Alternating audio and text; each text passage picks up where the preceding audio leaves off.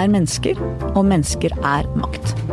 Av og til kan en redaktør i bakgrunnen gjøre en forskjell i verden. Rebecca Corbett, redaktør med ansvar for undersøkende journalistikk i New York Times, var den som ledet New York Times sitt arbeid med å avsløre Harvey Weinstein, Hollywood-mogulen som i årevis hadde trakassert og forulempet kvinner. Skuespillere, stjerner og damer som var mindre prominente. Jeg var så heldig at jeg fikk intervjue Rebecca Corbett fra scenen under nordiske mediedager i Bergen denne våren. Nordiske mediedager hadde klart å invitere henne hit, og det var en gave, syns jeg. Her kommer vår samtale. Vær så god. Hello, everyone. You've been leading more projects to Pulitzer Prize than I can name here and now. This last time for the Harvey Weinstein stories that led to the global Me Too campaign. Congratulations, first of all. Thank you. Let's, yeah. Let us start with the beginning.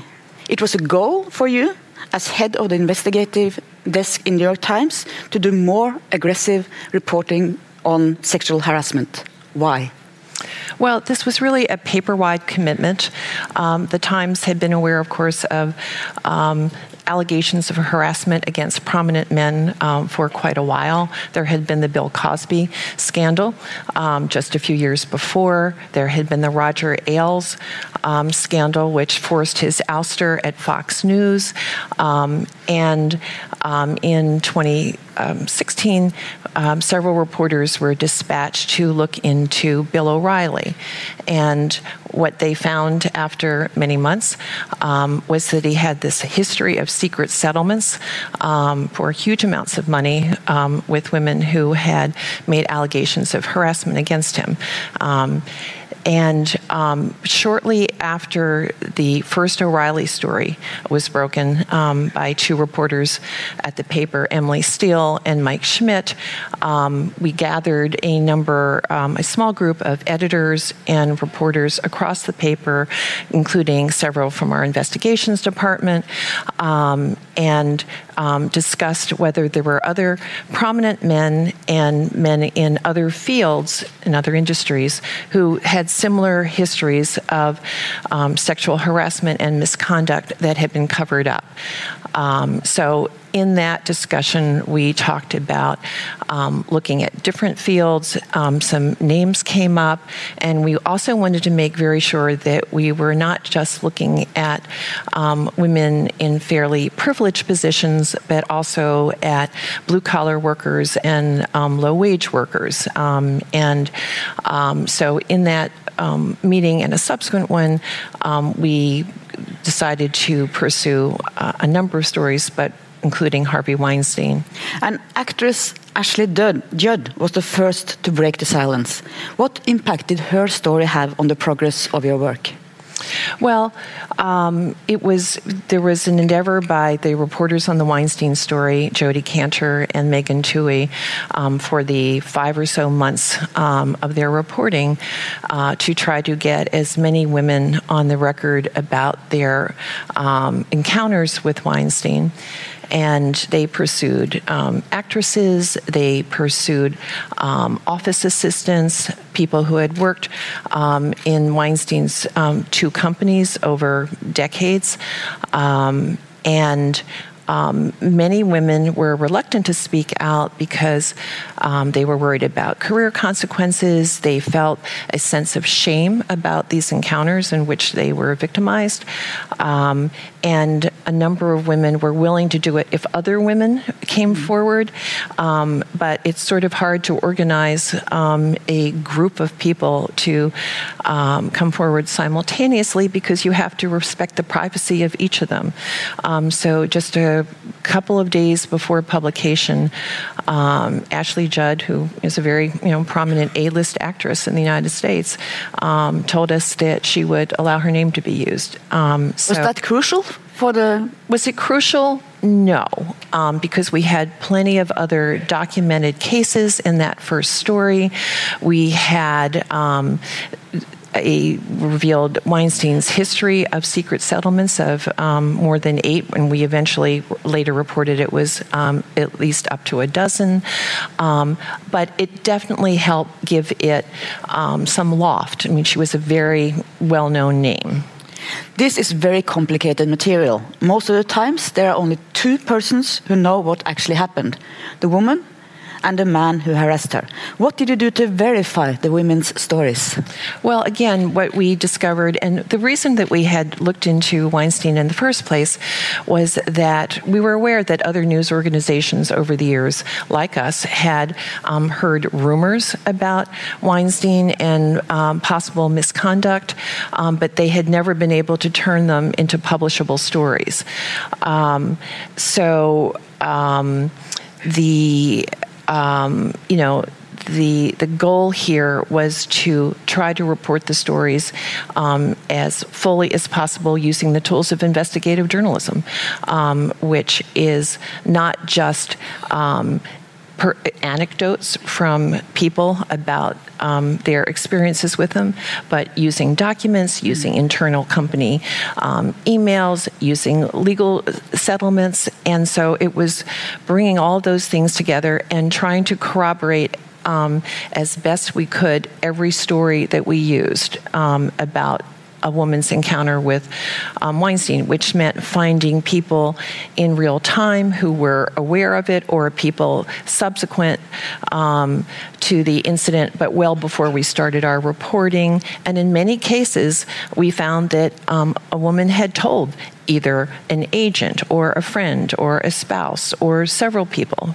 We knew that we found that um, um, at one of Hollywood's biggest talent agencies that at least eight agents had been told um, by actresses of, you know, um, very unsettling or worse hotel room encounters with Weinstein. So there were a lot of people that had an awareness um, that something had happened, and that's what we really focused on pursuing. Could you have published the stories if you didn't have the legal documents, the internal memos, uh, all the paperwork, basically?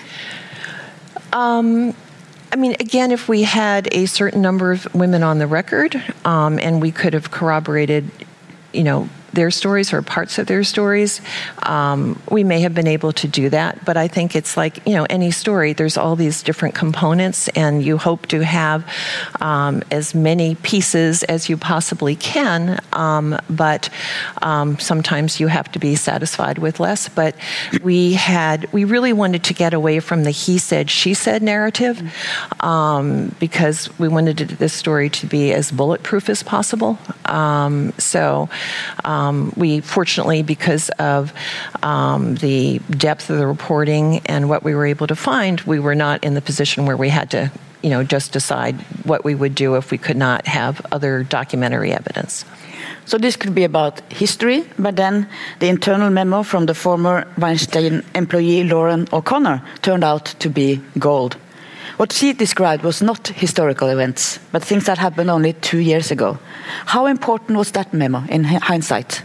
Well, in, in some of our reporting, we found that the incidents that women described to us had happened decades ago.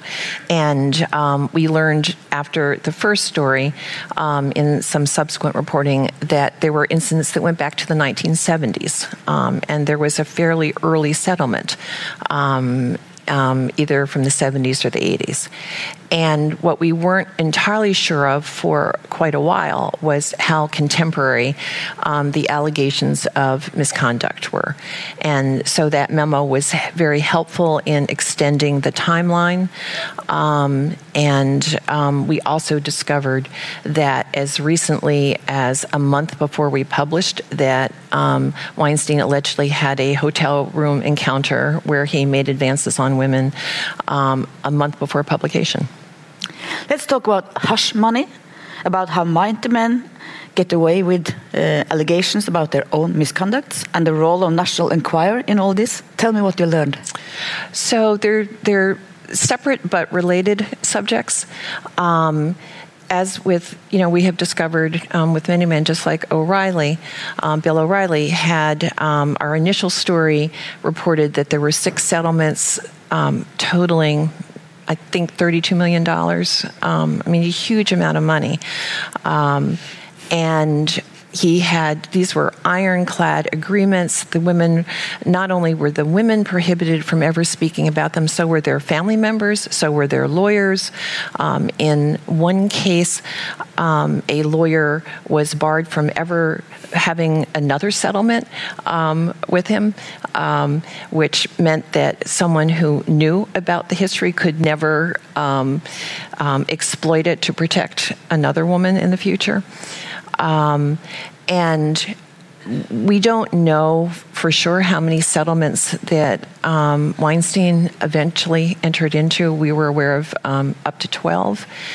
Um, but they were they were useful in hiding these histories. They were intimidating to the women involved. They all came with um, non-disclosure agreements, and they're an effective tool to silence women lawyers for plaintiffs' lawyers for women will say um, they are justified um, because they are a recourse for women to um, be compensated for harm done to them, and that's a you know a legitimate argument that women whose careers have been derailed, who have suffered harm, um, deserve to be um, um, you know reimbursed for that in, in a sense. Um, but they do have the effect of just hiding these histories, burying um, them. Yes. And National Enquirer, that's a quite dirty story.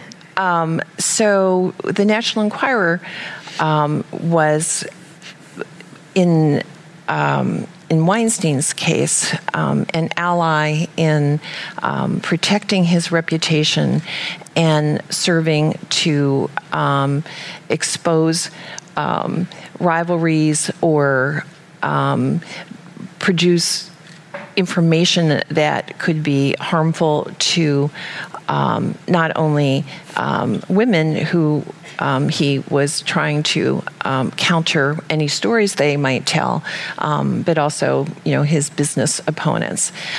He was a very close friend of David Pecker, who is the head of American Media Incorporated, which owns the National Enquirer, and a number of, of other gossip magazines and organizations, news organizations. Um, and he Harvey Weinstein was able to exploit his relationship with AMI um, to have some of their reporters dig up dirt on women that he feared would speak out. Tell me about the bullying and intimidation from Weinstein and his team towards you and your team. So, um, Harvey Weinstein is a aggressive personality who, um, over the years, has been uh, very determined to um, tell the narrative of um, his career, um, his success, and been very uh, um, resolute about um, making sure he gets heard. Um, and he, you know, over the years, I mean, he was in the way that Bill O'Reilly was, um, you know, the biggest cable news star and you know a conservative icon, um, Harvey Weinstein cast himself as a lion of the left. He saw himself as someone who produced films that um, were you know um, furthered the career of many many actresses that told you know, literary stories that um, in which women had huge roles. He saw himself as, um, you know, a um, figure that was allied with the Democratic Party. He was a big Democratic donor. He was he liked to think he was a friend of Bill and Hillary Clinton. He certainly um, appeared at campaign events and was a donor and hosted fundraisers.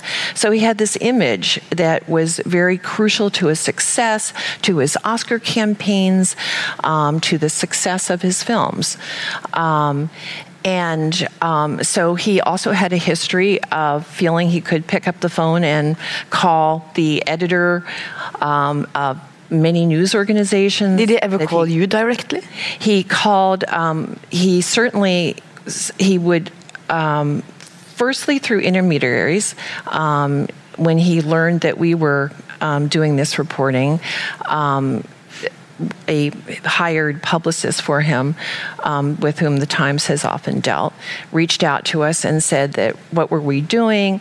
Um, Harvey wanted to tell his side, and, um, and you decided to never go off the record with him. Yes. Why?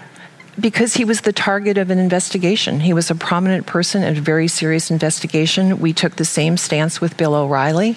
Um, we in order to not tie you up in a way. Yes, because when you are um, not speaking on the record, people tell you things that you can't use or you can't attribute, and um, it puts you in a box. And he threatened to sue you.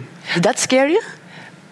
Um, it did not scare our lawyer um, which was the most important thing. We have a fantastic um, lawyer who is like one of the preeminent First Amendment lawyers, and he is a very tough guy.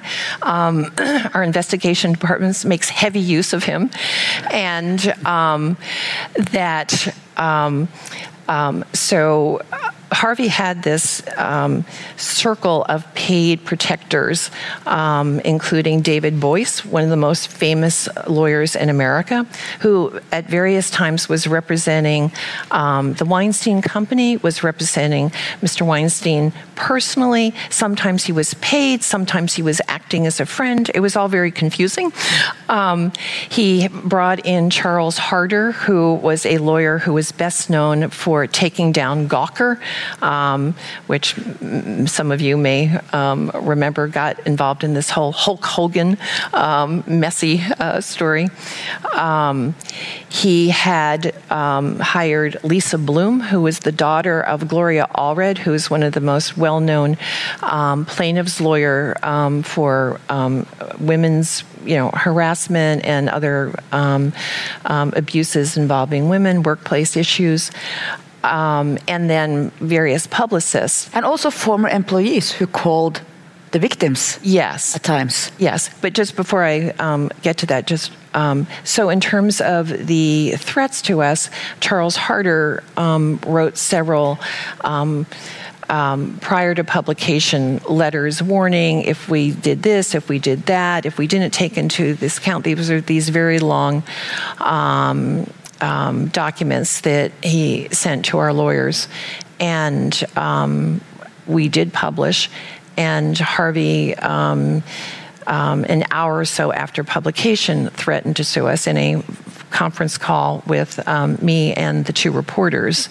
Um, and at the same time, one of our office assistants came. He told I can't remember it was the New York Post or the Washington Post first that he was suing us. And as he was telling us on the phone, someone came and waved a piece of paper. They had just seen the story move over the wire. So we learned seconds before um, someone else, he had told someone else first. Um, and those former employees?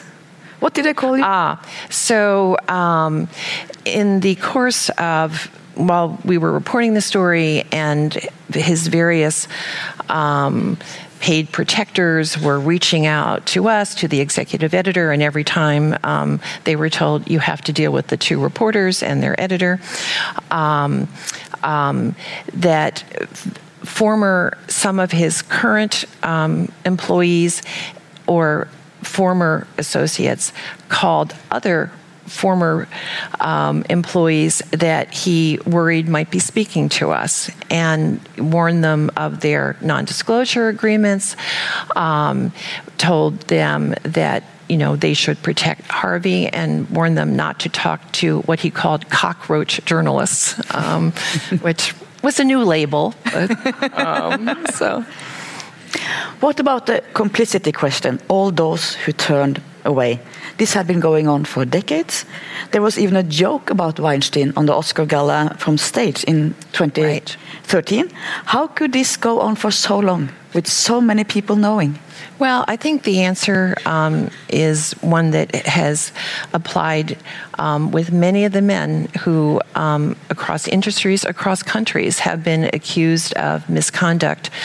Um, that it turns out that they had often had clear patterns, that people knew something of it, that often women had said something to uh, people, either bosses or people who um, they trusted um, and worked closely with, to people who did in um, Weinstein's case of people who did business with him. Um, but um, they, um, through a number of tools, um, and um, and because it was, many people found it not in their own interest to call out Weinstein. So, I mean, there was the non disclosures, with the settlements. In many cases, with the talent agencies, um, agents told women, oh, you know, this is just the way you have to do business with Harvey. I think that many people knew that Harvey approached women and made advances on women. Um, in many cases, it seemed there was an assumption that these were consensual activities. Um, in some cases, um, there were, there was reason to suspect more. Um, and um, inside his own company, um, the board, for the most part, was not informed of anything until um, just a year or so um, before the story broke, when there was an incident involving an Italian model. Um, who and she went to the police in New York. Um, but that was effectively shut down. Um, so there were, you know, these various mechanisms um, that um, it, it, just he was able to stifle um, the, um, you know, his broad history and it turned out, I think, to be shockingly pervasive. Um, and, and even after publication, so many more women came forward. Um, so. Mm. The terrible guy getting the better job, that's not an unusual experience among women. Trump, Donald Trump, is clearly an example of this. What role did the anger after the election of Donald Trump play in all this? Would there have been a Me Too if Hillary Clinton had won the presidency? Well, it's interesting about um, Trump and how that played out. Um, what we found in doing reporting, not just on um, Weinstein, but on um, a number of other men that we subsequently reported on media figures, political figures, men in other industries. Uh, when speaking to women and reaching out and trying to persuade women to tell us their stories, some women said that the fact that during the campaign, when um, we and others reported about the um, Trump accusers, and they were, you know, um, basically accused of making things up. Um, and it did not cause that much of a stir. Mm. Um, it certainly did not derail um, Trump winning the presidency. So a number of women said, "Why should I speak out? This information." About um, it was more than it was nearly a dozen women who spoke of some type of harassment that they claimed they had endured um, from Trump, um, and it had no effect. So they found it a dispiriting consequence and it made them, uh, in some cases, unwilling to speak out. Others said that it motivated them, that it frustrated them, that um, someone could rise to such a prominent position, have faced more than a dozen allegations of harassment, and um, it went nowhere. So they found it more um, motivating. Me Too is also about history, men who did things in another time when it was all normal. Is it fair to measure misconducts from the past against today's moral rules and rules of conduct? The, I mean, what's interesting was that so many of the men um, were uh, were older men of a you know previous generation, um, but I think that there's pretty clear rules about right and wrong, and maybe, you know, certain things that you might say that are, you know, slightly off color, something might be more offensive. I'm, I'm not sure I even believe this, but arguably more offensive now than maybe they were, you know, decades ago. But I don't think um, assaulting women or intimidating them or, you know, trying to extract a quid pro quo um, for career advancement um, is was ever acceptable, nor should be. I agree. I totally agree. um, and I'd also like to point out that that um, um, one of um, when the first Weinstein story ran, um, he put out several statements, and I believe that one of his statements was there were so many. Um, um, this is the price of having many paid protectors who all have different ideas about how to protect someone. Um, but he talked about how this he had learned that some of the things he had done earlier had been offensive, and he had not intended that. And um, it was sort of described as this you know journey he had been on. Um, but um, many of the men who have been accused of misconduct, both you know through Me Too, through um, journalist accounts, are not men of a previous generation. They're men at Silicon Valley startups. They're men at Vice. They're men in the entertainment industry of a range of ages. Um, so I don't believe that it's a generational thing, nor do I believe that that is an acceptable excuse. Mm. Some people say the campaign has gone too far. You could also turn it around and say that it's not gone far enough. Has it reached all parts of societies? Will low-wage women be affected, shopkeepers, industry workers, or is this has this been more of a upper middle class phenomena? So um, I think that the prominence of media figures, of entertainment figures, um, has certainly um, led to a lot of the coverage and a lot of the debate.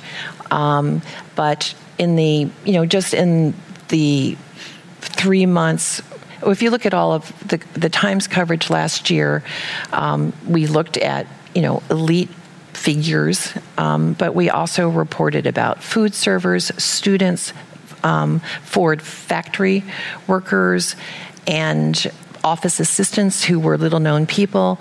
Many of Weinstein's alleged victims um, were not well known actresses. They were aspiring actresses who were 19 and 20 and 21 years old, who were not well known figures. And he also exploited generations of his own employees. Um, again, most of them not well known figures and not in prominent roles. Um, but I think that um, some other news organizations have done some very fine work on low wage workers. Um, we just recently did another piece on waitresses, but I do think that there is much more room to um, explore um, blue collar jobs in various industries, the hospitality industry and others that really um, rely on a lot of low wage workers, many of them in some cases undocumented, which make them the women more unwilling and unable to speak out. Um, so the there's certainly a perceived class difference so far, and I think in some other countries, again, the um, um, the political class and media figures have gotten a lot of attention. But um, it is certainly one of our ambitions for this year to continue to look more broadly um, at the issue and how it affects the most vulnerable workers. In terms of has the Me Too movement go far? Firstly, I'd like to distinguish between um, our journalism and the journalism of other news organizations around the world and the Me Too movement. They are separate things. One led to the other. Um, and I think that the Me Too movement has had, um, you know, an incredible power of, um, of allowing women to come forward in what seems like a safe way to do it in numbers and to realize that um, that in many cases there are multiple victims um, of various prominent people. Um, but Me Too is also unvetted information.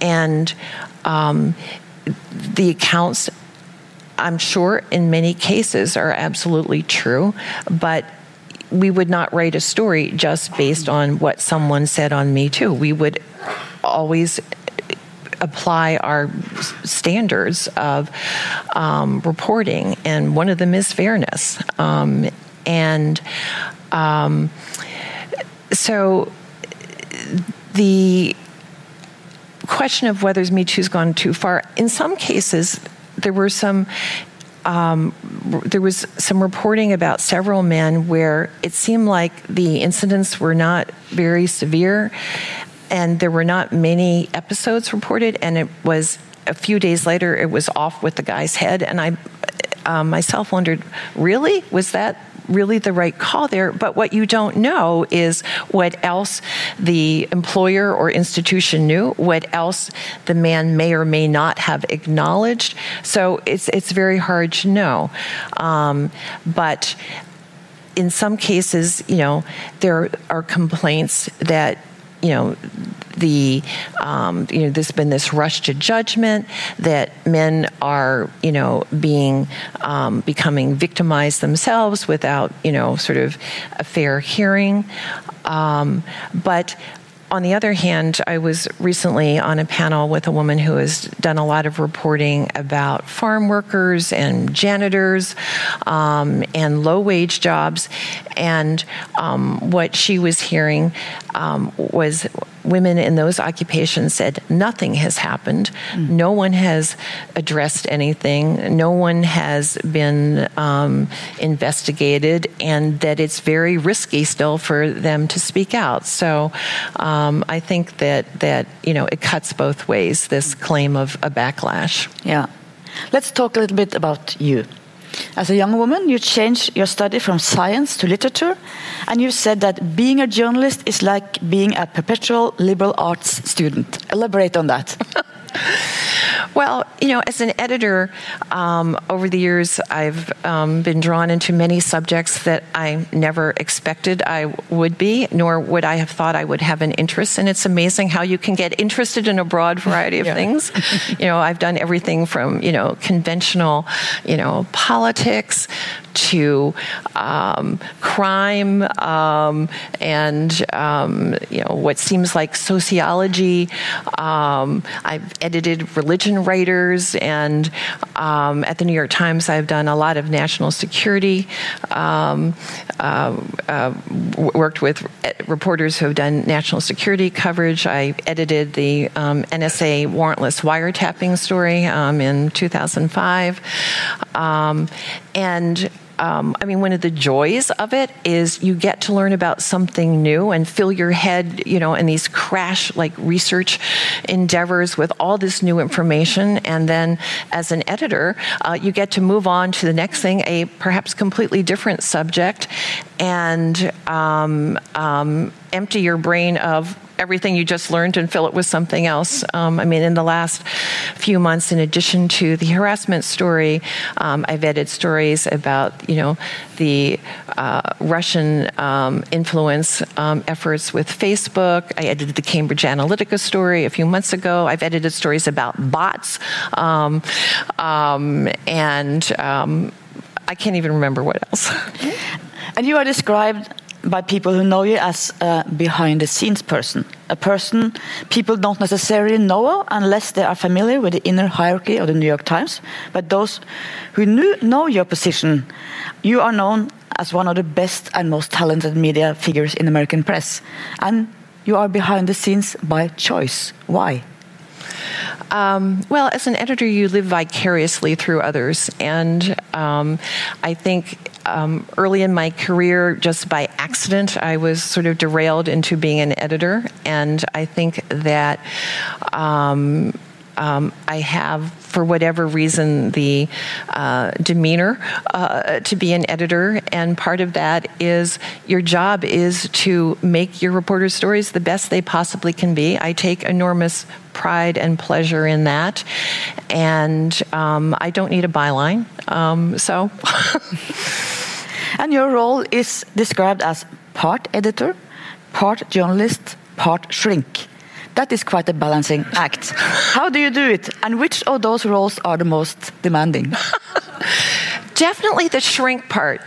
Um, and in my, um, I came to the Times first working in our Washington bureau, and in my office, um, there was this red leather couch that I inherited from longtime famous columnist William Safire. So you do have a couch. I do have a couch, and it's it's very long, and it is tufted, and um, a number of men who wanted to vent about various things would stretch out on it.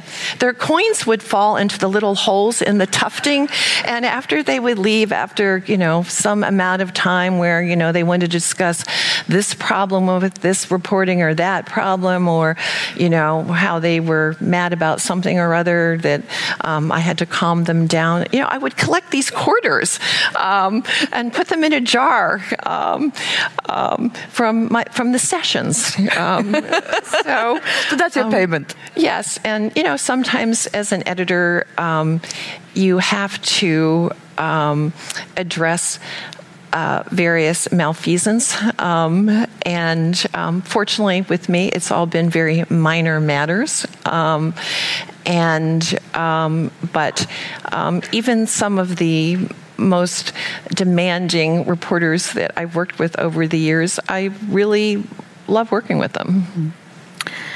And you are known to be known to be very uh, caring about details, the importance of accuracy, knowing that one factual mistake can blow it all.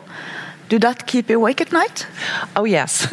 Um, I basically have a sleep disorder, um, which anyone who knows me uh, is aware of. And um, but you know, particularly when you're on a big project, very demanding story, um, I sort of have this, I guess, you know, an athlete would use this term sort of in the zone where um, I mean, I'm able to multitask, but my head is really just, um, the information is rolling around in it and um, you know you're trying to um, figure out like exactly how the story will take shape and work with the reporter on you know the, the writing the organization but also just mindful of of everything that you have to be careful about and triple check. And um, I also have a weird knack for remembering details that maybe someone learned early on in the reporting that were quite amazing to us at the time. And then so much more information has happened, but they were the sort of details that were the things you would tell someone if you wanted to describe, you know, we call it the elevator summary of a story, or, you know, you're at a dinner party, what you would have said to them about, and could you believe this? And often reporters forget those things they learned early on because it's been replaced by new information. And often, you know, at the end of the process, they'll say, but wait a minute, remember that thing you told me really early on? And it's often this very trenchant quote or this um, just really important detail that, that evoked, um, you know, the feeling of, um, of some episode or just really um, crystallized a, a, key. And um, it's one of my weird little skills. As an editor, you have trained generations of journalists about the need for perspective. Journalism, journalism, is about more than being accurate, it's about seeing a big picture, about context. Anyone interested can Google The Wire, editor Gus Haynes, and context, and you can see Rebecca Corbett in the figure of the great editor Haynes in that series. The creator of The Wire used to work with you at the Baltimore Sun, and he has on several occasions talked about you as Gus Haynes' role model. Tell me about context. Well, perspective is everything in journalism. And to me, as an editor, the scariest thing about stories is what is not in them but should be. And that one of the obligations of an editor is to um, make sure that, firstly, you really understand the material, and then you really try to figure out um, if the reporter has the full context. Um, some of the worst journalism mistakes have occurred when someone adds two and two and gets five. They come to the wrong conclusion, even though the facts in the story are correct, but they missed the big picture. And um, I think that, um, um, you know, it's one of the hardest things um, to imagine what should be in here, and that I mean, part of the way that you get at that is to make sure the viewer is informed about the subject matter as possible. Um, but part of it is just to probe the reporters how they drew these conclusions and to ask them, but did you think about this or what about that? And this comes up very regularly with David Simon, who, you know, is um, he's one of the two uh, journalists that I, I, have described as phenoms in my entire career. I mean, he arrived at the Baltimore Sun, where um, I worked for a long time as this, I don't know, 19 or 20 year old stringer for um, his college campus and um, you know he turned into this he, he was but he became this incredible talent. And he was a police reporter but he didn't just do police reporting. What he did was sociology of a city that was devastated by crime and a chronic drug economy. And he wrote about it you know first for the baltimore sun then in the homicide tv series and then um, eventually in the wire in this incredibly complex way. Um, and um, there was a character, and um, David and I um, are very good friends, and we had um, some battles um, as a reporter and editor because he's very passionate, and um, but they ended up happily. but so there was a character named after me, but he said that Gus Haynes was in very large part modeled after me and another longtime city editor. So we have to wrap up. Just okay. one final question. This is about stories. What's going to be the story about you? Rebecca Corbett was the one who, woman who. Oh. Um, helped reporters write great stories and um, hopes to continue to do it. Wonderful. Thank you so much for coming. Thank you. So.